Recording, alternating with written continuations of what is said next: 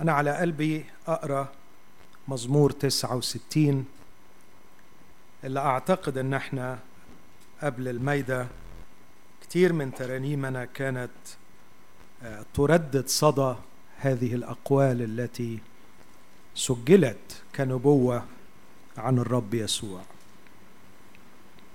المزمور التاسع والستون لإمام المغنيين على السوسن لداود. خلصني يا الله. لأن المياه قد دخلت إلى نفسي. غرقت في حمأة عميقة وليس مقر. دخلت إلى أعماق المياه والسيل غمرني. تعبت من صراخي.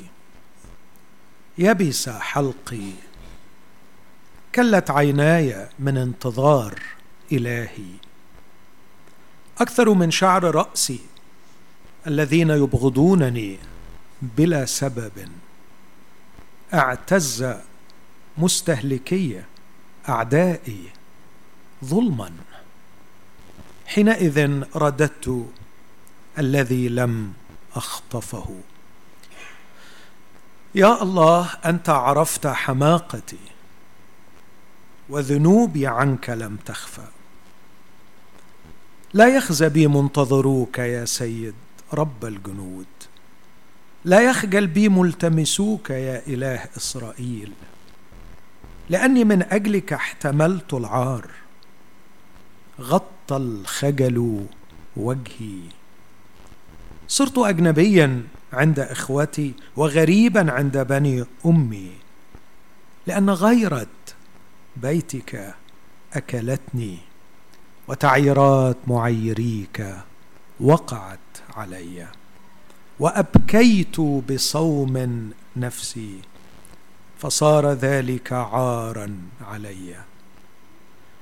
جعلت لباس جعلت لباسي مسحا وصرت لهم مثلا يتكلم في الجالسون في الباب وأغاني شرابي المسكر. أما أنا أما أنا فلك صلاتي يا رب في وقت رضا. يا الله بكثرة رحمتك استجب لي. مش قادر أستكمل القراءة من غير ما أقول وسمع له من أجل تقواه لكن يستكمل ويقول بحق خلاصك نجني من الطين فلا أغرق. نجني من مبغضية ومن أعماق المياه. ثم يقرر لا يغمرني سيل المياه ولا يبتلعني العمق ولا تطبق الهاوية علي فاها. يعرف من هو ويعرف القيامة. استجب لي يا رب لأن رحمتك صالح هو الوحيد الذي له الحق أن يطلب من الله بحق العدل. وإذا قال له بعدلك أقمني من حقه لكن العجيب إنه يقول له برحمتك. استجب لي يا رب لأن رحمتك صالحة ككثرة مراحمك التفت إلي. ولا تحجب وجهك عن عبدك لأن لي ضيقا. استجب لي سريعا. اقترب إلى نفسي فكها بسبب اعدائي إفدني. أنت عرفت عاري وخزي وخجلي. قدامك جميع مضايقي. العار قد كسر قلبي فمرضت. انتظرت رقة فلم يكن ومعزين فلم أجد. ويجعلون في طعامي علقما وفي عطشي يسقونني خلا. لتصر مائدتهم قدامهم فخا وللآمنين شركا. لتظلم عيونهم عن البصر وقلقل متونهم دائما. صب عليهم سخطك وليدركهم حمو غضبك. لتصر دارهم خرابا وفي خيامهم لا يكن ساكن. لأن الذي ضربته أنت هم طردوه وبوجع الذين جرحتهم يتحدثون. اجعل اثما على إثمهم ولا يدخلون في برك ليمحوا من سفر الأحياء ومع الصديقين لا يكتبوا. أما أنا فمسكين وكئيب. خلاصك يا الله فليرفعني. أسبح اسم الله بتسبيح وأعظمه بحمد فيستطاب عند الرب أكثر من ثور بقر ذي قرون وأظلاف. يرى ذلك الودعاء فيفرحون. وتحيا قلوبكم يا طالب الله لأن الرب سامع للمساكين ولا يحتقر أسراه. تسبحه السماوات والأرض. البحار وكل ما يدب فيها لأن الله يخلص صهيون ويبني مدن يهوذا فيسكنون هناك ويرثونها ونسل عبيده يملكونها ومحب اسمه يسكنون فيها. آمين. أنا المشغولية الأساسية هي مسألة اتحاد المسيح بنا كما هو واضح بشكل جلي جدا في هذا المزمور وأعتقد أنه ربما يعني من الأجزاء القليلة لا أذكر حاليا جزء آخر يظهر فيه عمق الاتحاد بين المسيح وبيننا كما يظهر في هذا الأصحاح. لكن مقدمة قبل ما أوضح الفكرة دي أنه المزمور ده جوهري جدا في فهم طبيعة الكتاب المقدس. المزمور ده مملوء بالآيات اللي اقتبست في العهد الجديد واللي تبين سلطة الكتاب المقدس. على سبيل المثال للحصر تلاميذه تذكروا بعد قيامته مسألة تطهير الهيكل وتذكروا العبارة اللي مكتوبة هنا إنهم تذكروا إنه مكتوب غيرت بيتك أكلتني. لكن من الأعجب والأغرب كمان إن المزمور ده فيه عبارة تذكرها المسيح في وقت الألم المخيف. وكأنه أبى أبى أن يسلم الروح دون أن تتم آية صغيرة في مزمور مجهول. فقال أنا عطشان. لا لكي يشرب لأنه كان يعرف جيدا أنهم لن يقدموا له ماء. لكن الكتاب كان واضح لكي يتم الكتاب. لكي يتم الكتاب. قال أنا عطشان ليتم الكتاب في عطشي يسقونني خلا. أمر آخر عجيب. أن بطرس دون يعني آه، وصية صريحة من الرب أن يختاروا بديلا ليهوذا. قرر في أول اجتماع في سفر الأعمال أن يختاروا بديلا ليهوذا. بناء على أيتين من سفر المزامير واحدة منهم هنا لتصر داره خرابا ويأخذ وظيفته آخر. كان قرار خطير في بداية الكنيسة يعني ما هواش قرار سهل لكن بطرس مملوءا من الروح القدس أو مساقا بالروح القدس احتراما لهذه النصوص وبناء عليها قرر هذا القرار الخطير. لكن بعد ما نتأكد أن المسيح متكلم في هذا المزمور ويكفي جدا العبارتين دول عبارة ثالثه اقتبسها بولس في رومية 15 تعييرات معيريك وقعت علي وطبقها على المسيح. فتخيلوا بطرس وبولس والمسيح نفسه قاريين مزمور 69 وكلهم عارفين إنه المزمور ده هو لغة المسيح. فما اعتقدش إنه نوع من التفسير اللي بيقترحه بشر لكن العهد الجديد قال إن اللغة هنا هي لغة المسيح ولا سيما في عطش يسقونني خلا. من المتكلم؟ هو المسيح. لكن هنا تيجي صدمة كبيرة. صدمة ملهاش حل غير حل واحد. كيف المسيح وهو المتكلم في هذا المزمور؟ يقول عبارات كهذه العبارات. عبارات يعني تقشعر أجسامنا ونحن نقرأها. لما يقول له في مثلا مش عارف أقرأ إيه ولا إيه لما يقول له في عدد 19 أنت عرفت عاري وخزي وخجلي. لما يقول له حماقتي وذنوبي كيف كيف ينطق المسيح بهذه الكلمة؟ أنا أنا مستغرب. كيف ينطق المسيح ويقول لله حماقتي وذنوبي عاري خزي خجلي؟ كيف أن المخلص يفتتح المزمور وهو بيقول له خلصني. خلصني يا الله.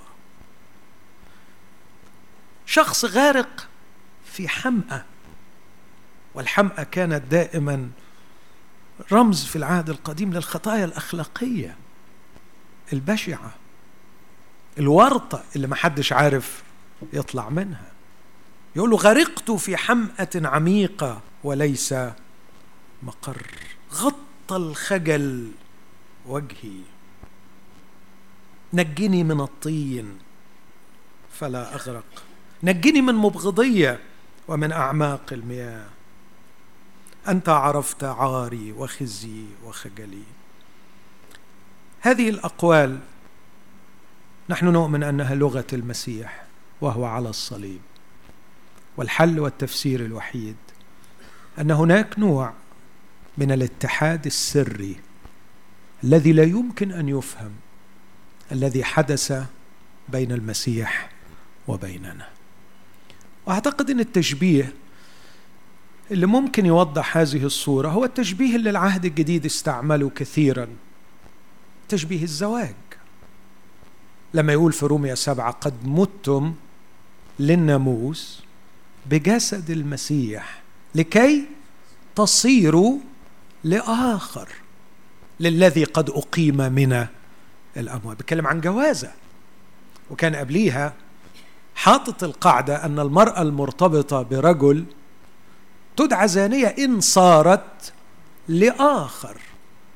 إن صارت لآخر. وبعديها يقول أنتم صرتم لآخر للذي أقيم من الأموات. لكن لأنه في حمل عملية موت قد حدثت فلا يوجد أي شيء غلط. لأنه في متم بجسد المسيح للناموس لكي تصيروا عشان تعرفوا تتجوزوا. فالعلاقة بيننا وبينه جوازة اتحاد. ولكم أن تتخيلوا شخص غني جدا لديه ثروة بالمليارات وارتبط بامرأة شريرة جدا ومديونة أيضا بالمليارات. منذ أن قرر أن يتحد بها ويتزوجها أقدر أقول ما عادش في فلوسه وما عادش في ديونها لكن بقيت ديوننا وبقيت فلوسنا. وهو ده اللي حصل يا أحبائي. جاء شريف الجنس جاء الراقي الخالي من أي خطأ واتحد اتحادا سريا عجيبا كاملا. بأحقر من على الأرض بالخطاط. فبيتكلم بصورة شرعية قانونية بناء على الوضع الجديد اللي هو قبله على نفسه ما بيتكلمش عن حماقتها ولا ذنوبها ولا عرها. لكن بيتكلم عن حماقتي عاري خزي خجلي. تكلم عن عار كسر قلبه. هذا الاتحاد الذي حدث بيننا وبين المسيح جدير يا أحبائي ان إحنا نتوقف عنده. أنا مشغول أتوقف عنده من جهة ثلاث كلمات الأساسية في المسيحية. جم في ذهني وإحنا بنرنم. الإيمان والرجاء والمحبة. وأبدأ بالمحبة. هناك حقيقة. أصيغت هكذا. طبيعة الله لا تحتم الخلق لكن تحتم الحب. فالله يقدر أن يكون الله دون أن يخلق. مش محتاج يخلق علشان يكون الله؟ لكن نقدر نقول بقلب جامد الله لا يقدر أن يكون الله بدون حب.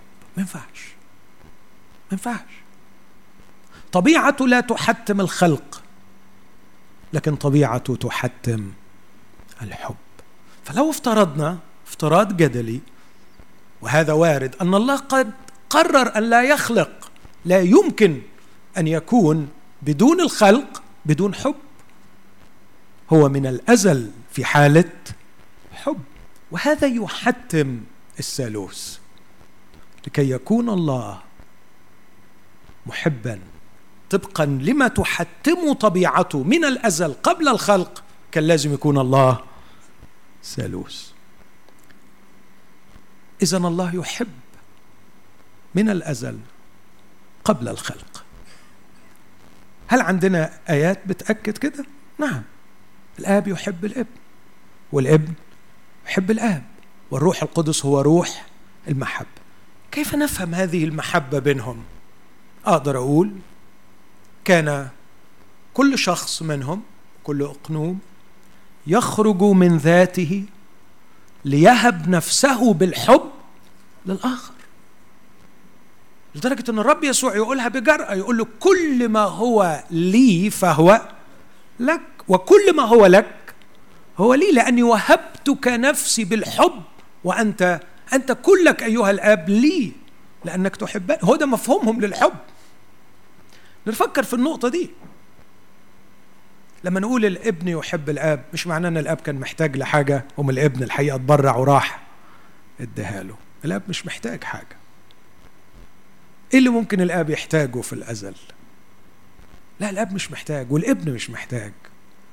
لكن الحب بين الابن والاب هو أن يهب كل منهما نفسه للآخر. شوف أحبائي هو ده الحب اللي ربنا يفهمه. ما بيفهمش حب غير كده. فلما جه يحبنا ما عرفش يحبنا غير كده. ما جاش يحبنا يرملنا خلاص. ولا يعمل لنا خلاص. لا. ما جاش يحبنا ينجينا من الجحيم لأن كنا غلابة. ما جاش يحبنا إنه شفق علينا فأخذ العقاب بتاعنا عشان يدخلنا السماء. لكن حبنا وما يعرفش يحب غير بالطريقة دي إنه يهبنا نفسه. بكل الشيلة بتاعتنا ما طلع إيه اللي فينا بقى؟ طلع إيه اللي عندنا؟ طلعت إيه الشيلة بتاعتنا؟ لبسنا. خدنا كده زي ما إحنا. واتحد بنا. لكن الجانب الآخر هذا الشخص الذي صرنا له بعد أن صار لنا خرج من الحمأة. خرج من الطين سمع له من أجل تقوى. كان يقدم بصراخ شديد ودموع طلبات وتضرعات للقادر أن يخلصه. من الموت الاختياري الذي اختاره بسبب اتحاده بنا. وسمع له خلصه out of death طلعه من الموت. مش منعه عن الموت طلعه بعد ما دخل الموت. بالقيامة من الأموات. وصار لنا. صار لنا. صار لنا بعد أن قام من الأموات. ارمي عينك يمين وشمال تحت وفوق. وانظر إلى كل ميراث المسيح. وتقدر تقول بقلب جامد كل ما له صار لي. إن كنا أبناء فنحن ورثة. ورثة الله. مش دي المهم. مش دي المهم لكن اللي بعديها هو الأهم. ورثة الله ووارثون مع المسيح لأن عروسته بتورث مع كل ما له صار لنا. الحب في المفهوم المسيحي المبني على الله المثلث الأقانيم لا يعني عطاء شيء. الحب في المفهوم المسيحي يعني عطاء. النفس. عشان كده غريب كل الغرابة عن المفهوم المسيحي إن أنا أحب الرب فأعمل له حاجة. أو أحب الرب فاديله هو ما يفهمش اللغة دي على فكرة خالص. هو بيفهم حاجة واحدة. لما تقول له بحبك يعني تديله نفسك. نحسب هذا. هذا هو الحساب المسيحي. إن كان واحد قد مات لأجل الجميع فالجميع إذا ماتوا. كي لا يعيش الأحياء فيما بعد لأنفسهم بل للذي نحن لا نع... لا ينبغي أن نعيش لأنفسنا وكل لحظة نعيشها لأنفسنا نحن نخون الحبيب. أقولها بكل جرأة نخون الحبيب. خيانة للعهد المقدس اللي ربطنا به وماذا عن الإيمان؟ برضو الإيمان في المفهوم المسيحي غير خالص الإيمان عند بقية الناس. في مفكر وفيلسوف كبير عمل كتاب مبني على بحث عظيم عمله. لماذا يؤمن الناس بما يؤمنون به؟ قاعد يدرس كل الناس اللي في الدنيا. هم الناس بتآمن باللي بتآمن بيه. ليه؟ وطلع خمس أسباب. كتب عليهم خمس فصول في هذا الكتاب. ولا واحدة منهم تنفع على الإيمان المسيحي. ما تنفعش خالص.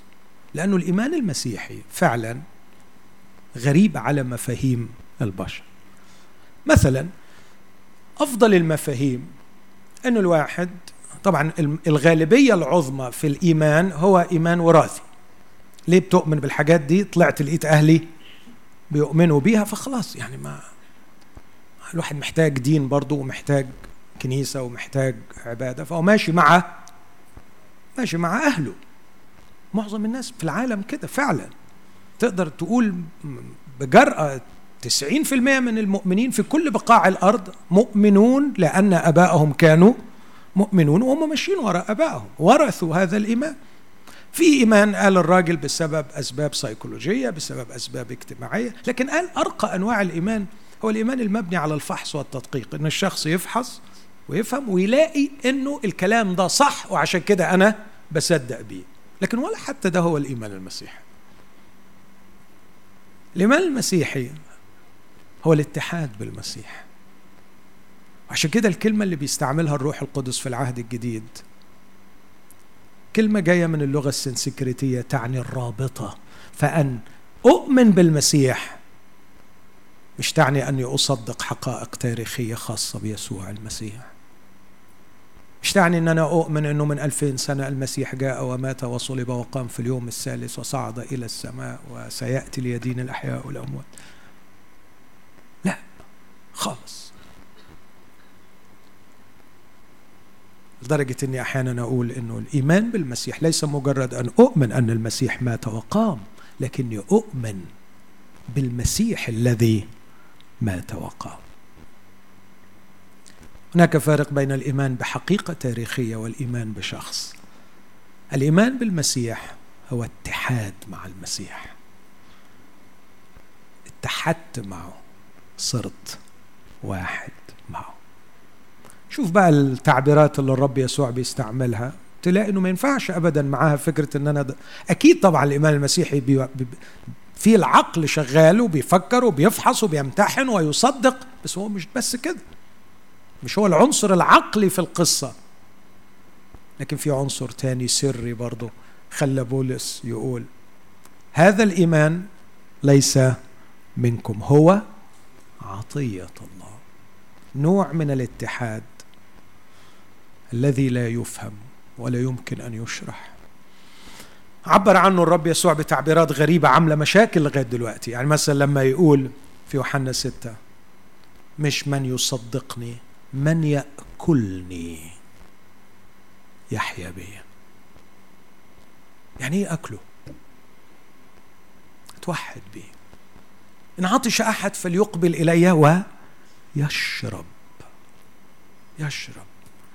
يقول لهم في ذلك اليوم تعلمون إني أنا في أبي وأنتم في وأنا فيكم. قل لي إيه معنى الكلام ده؟ إيه معنى؟ كلام غريب. لا يسمع ولم يسمع ولن يسمع. عن نوع من الإيمان يجعل اثنان يجعل اثنين واحد. ما ينفعش ما فيش. لكن هذا هو مفهوم الإيمان في الحق المسيح. يعني إيه آمنت بالرب يسوع؟ يعني بقيت أنا وهو واحد.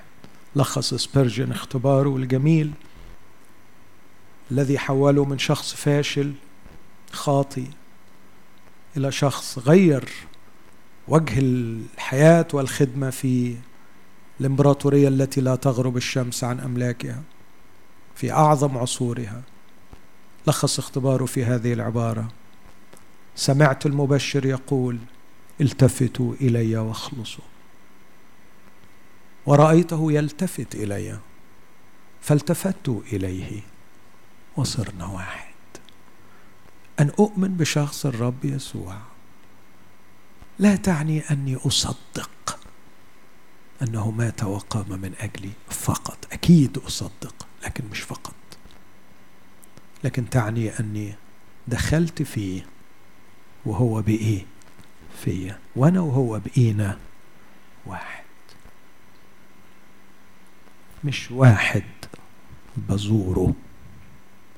مش واحد بفتكره مش واحد اداني أنا وهو واحد. وماذا عن الرجاء؟